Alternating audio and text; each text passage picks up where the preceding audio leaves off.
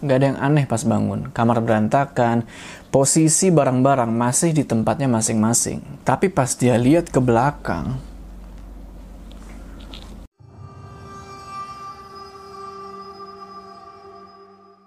Assalamualaikum teman-teman, balik lagi sama gue Taqabbalallahu minna wa minkum. Selamat Hari Raya Idul Fitri buat kalian semua. Semoga kalian semua yang menonton video ini diberikan kesehatan Dilancarkan rezekinya dan selalu dimudahkan urusan-urusannya.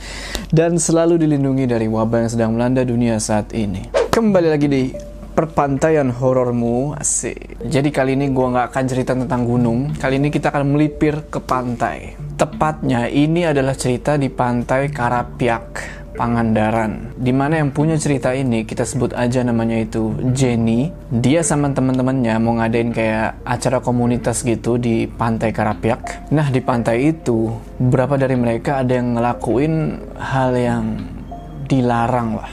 Mau tahu gimana ceritanya? Tonton video ini terus.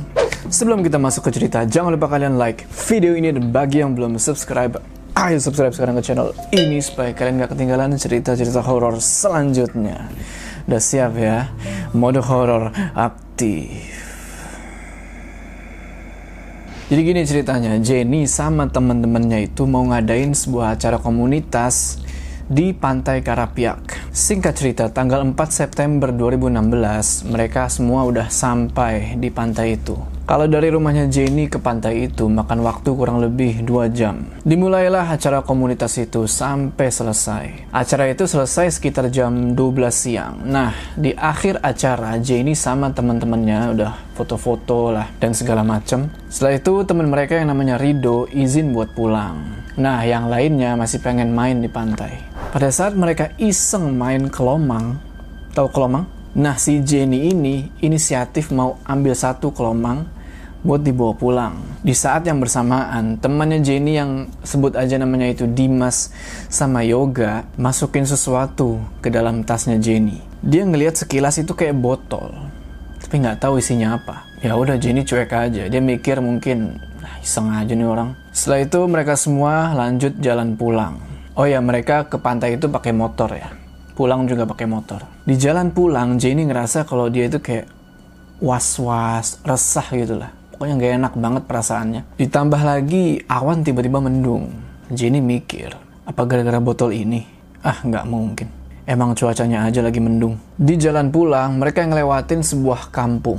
Di mana kampung itu menjadi perbatasan antara Kabupaten Pangandaran dan Kabupaten Cilacap, yaitu Kampung Kalipucang. Di situ tiba-tiba hujan turun, deres. Karena sebagian besar dari mereka nggak bawa jas hujan, mereka mutusin buat berteduh dulu di salah satu warung yang ada di kampung itu buat ngopi-ngopi istirahat lah. Mereka nggak ngobrol banyak sama pemilik warung, soalnya setelah pemilik warung nyediain minuman, dia langsung masuk lagi ke rumahnya. Lewat 10 menit, hujan berhenti, dan mereka lanjut perjalanan. Jenny agak merasa aneh di situ.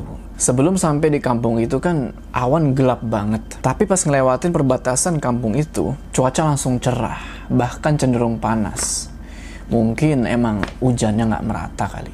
Sampai di stasiun Sidareja, mereka semua berpisah di situ dan pulang ke rumah masing-masing. Nah, kebetulan rumahnya Jenny yang paling jauh. Jarak dari stasiun Sidareja ke rumahnya Jenny itu kira-kira satu setengah jaman lah.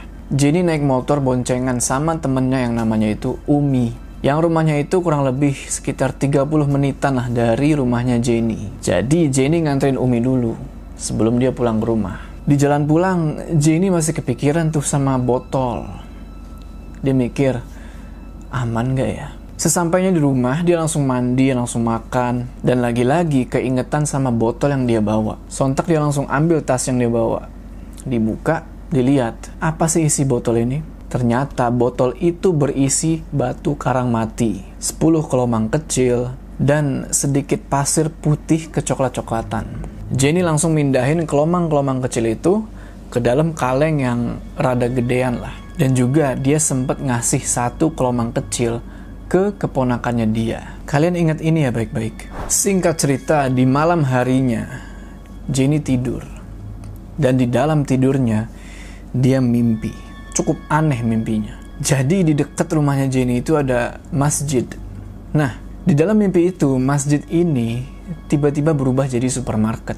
Dan Jenny habis belanja di supermarket itu. Pas keluar dari supermarket itu, tiba-tiba dari dalam supermarket orang-orang pada lari keluar. Jenny langsung bingung dan mikir, ada apa ini? Tiba-tiba datang sosok rambut panjang, kusut, baju putih, muncul dari atas depan supermarket, nyamperin Jenny. Wajahnya ampun dah serem banget. Dalam mimpi itu, Jenny berusaha buat lari, tapi kakinya tuh berasa berat banget. Sosok itu bilang, Kembalikan batu karang itu. Kembalikan batu karang itu. Karena gugup, Jenny berusaha buat nyerang makhluk itu. Dijambak rambutnya, ditendang perutnya. Setelah itu, Jenny bangun.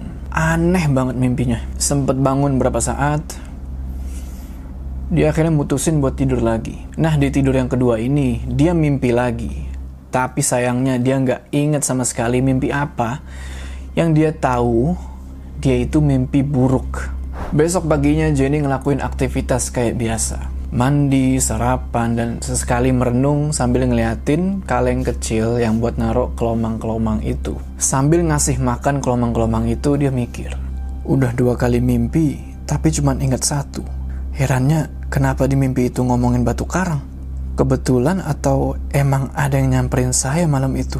Nah, di siang harinya, dia tidur lagi tuh di kamar. Dan dia ngalamin kejadian yang cukup nyeremin. Dia ingetnya itu seolah-olah dia itu terbangun dari tidur.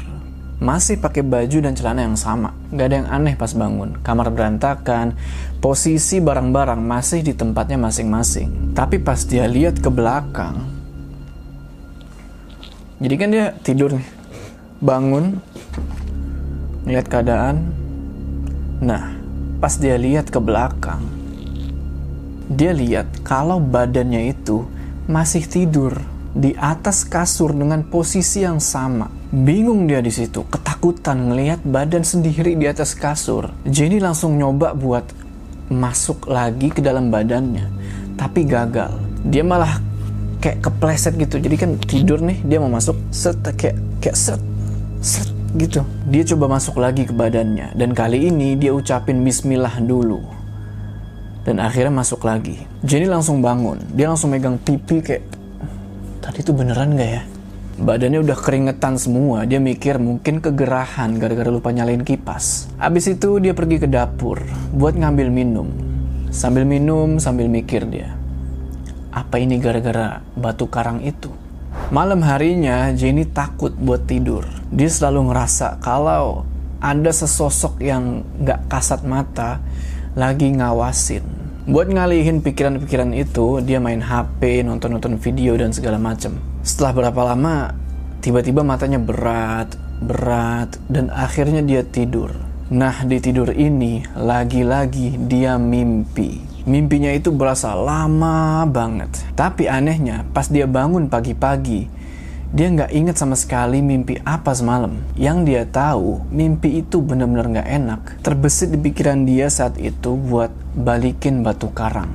Akhirnya pagi itu sekitar jam 7, dia nulis status di Facebook. Yang isinya itu apa aja yang udah dia alami dari kemarin semenjak pulang dari pantai dan ngebawa botol berisi batu karang itu.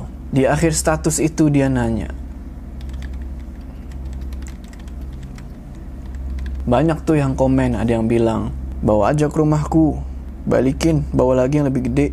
Tapi kebanyakan komentar di situ pada bilang, balikin. Bahkan ada juga yang nge-share pengalaman horor di pantai Karapiak. Terjadi kesurupan massal gara-gara ada ulah satu orang yang usil. Namun, ada satu komentar yang bikin Jenny bener-bener yakin buat balikin batu karang itu. Komentar itu bilang, Kalian inget kan awalnya Jenny itu nggak tahu kalau botol itu isinya adalah batu karang sama kelomang. Secara yang naruh botol itu kan si Dimas sama Yoga. Jenny sontak marah dan langsung ngehubungin mereka berdua. Yang dihubungin pertama kali adalah Yoga lewat telepon. Rumahnya Yoga ini nggak jauh dari rel kereta api Gandrung Mangu. Yoga cerita kalau semalam itu pas dia lagi nongkrong di depan rumah sambil ngerokok, dia ngelihat sosok rambut panjang, gaun putih di depan rumahnya. Depan rumahnya ini rel. Nah, sosok ini di tengah-tengah rel kereta api. Dilihat sosok ini kayak lagi ngebanting-banting sesuatu. Nah, pas ditegesin lagi sama yoga, sosok ini kelihatan kayak lagi ngebanting tubuh manusia. Gak sampai di situ, yoga juga ngobrolin tentang rogo sukmo atau istilahnya itu astral projection. Keluar dari tubuh dan ngelihat tubuh sendiri lagi tidur. Yoga cerita kalau ternyata Dimas juga ngalamin apa yang namanya Rogo Sukmo itu persis seperti apa yang Jenny alamin. Jenny nanya, kenapa kamu dan Dimas ngasih botol itu ke saya? Yoga nggak tahu mesti jawab apa, dia cuma minta maaf di sini. Singkat cerita, setelah obrolan itu Jenny mikir, siapa yang harus nemenin dia balikin batu karang itu ke pantai Karapiak. Kalau Dimas dan Yoga, rumah mereka jauh, dan mereka juga lagi nggak ada kendaraan. Pacarnya Jenny lagi kerja, dan lagi di luar kota. Nah, di sini Jenny terbesit di pikirannya buat ngehubungin mantannya. Sontak dia langsung tutup telepon dan langsung ngehubungin mantannya buat nemenin dia ke pantai Karapiak. Jenny nggak cerita apa-apa tentang apa yang dia alami dua hari ke belakang. Takutnya nanti mantannya ini malah nolak atau malah ngeremehin, nggak percaya lah. Akhirnya Jenny ngajak dengan alasan pengen ke pantai dan minta ditemenin. Dan mantannya ini setuju buat nemenin. Di hari yang sama, jam 10 pagi, Jenny langsung pergi jemput mantannya dan gak lupa bawa kaleng kecil yang isinya batu karang sama kelomang kecil pakai kantong kresek. Sesampainya di tempat penjemputan, mereka langsung tukar posisi. Mantannya yang bawa motor, Jenny yang dibonceng. Di perjalanan, Jenny terus doa baca ayat kursi, baca surat-surat pendek, dan pada akhirnya sampailah mereka di pantai Karapiak sekitar jam 12 siang. Di pantai itu, Jenny langsung nyuruh mantannya buat nunggu di warung terdekat. Setelah itu, Jenny jalan sendirian ke sudut pantai. Awalnya dia nggak ngerti ini batu karang mesti ditaruh di mana. Secara bukan dia yang ngambil batu-batu itu. Akhirnya dia taruhlah batu karang itu di rerumputan, di bawah batu jadi posisinya itu agak tersembunyi. Cukup bagus buat kelomang dan supaya nggak diambil lagi sama orang-orang iseng. Sehabis itu Jenny jalan ke pinggir pantai buat ngelakuin ritual. Dia beraniin diri buat bicara sendiri dan yakin kalau mereka itu pasti bakal dengerin ucapan dia. Jenny mulai itu ritual. Pertama ngucapin salam dulu. Setelah itu dia ngomong, saya mohon maaf atas sikap saya dan teman saya yang tidak pantas. Kami sadar kami salah. Kami tidak akan mengulangi lagi hal seperti itu. Saya mewakili teman-teman saya meminta maaf sebesar-besarnya. Terimalah permohonan maaf kami dan tolong jangan ganggu kami lagi. Setelah itu Jenny baca Al-Fatihah, surat Al-Ikhlas, Al-Falaq, Al-Nas sambil nangis. Habis itu dia ngucapin salam dan terima kasih. Sesudah ritual itu, dia nenangin diri dia udah mulai ngerasa kalau sekarang udah tenang. Udah nggak ada was-was lagi, nggak ada resah lagi. Singkat cerita, Jenny dan mantannya pulang dari pantai itu sekitar jam 2 siang. Sampai di rumah, nggak ada yang aneh-aneh lagi. Jenny ngerasa udah nggak ada beban lah. Tapi, belum selesai sampai di sini. Di malam harinya, Jenny mikir, wah udah bisa tidur nyenyak nih. Secara masalah udah selesai.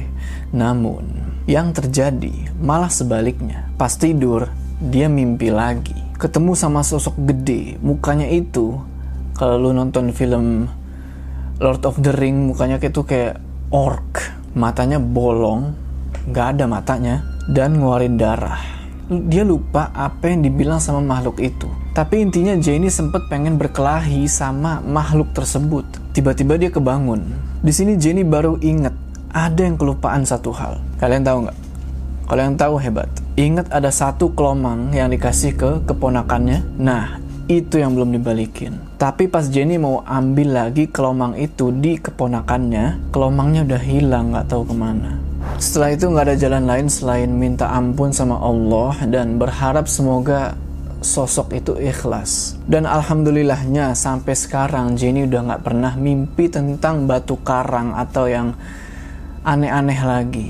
Pelajaran yang bisa diambil dari cerita ini adalah satu, jangan pernah mengambil barang yang bukan milik kita, sekalipun itu berasal dari alam. kedua, hal-hal yang tidak bisa dikembalikan, ya udahlah, mau nggak mau kita harus pasrahkan sama Allah.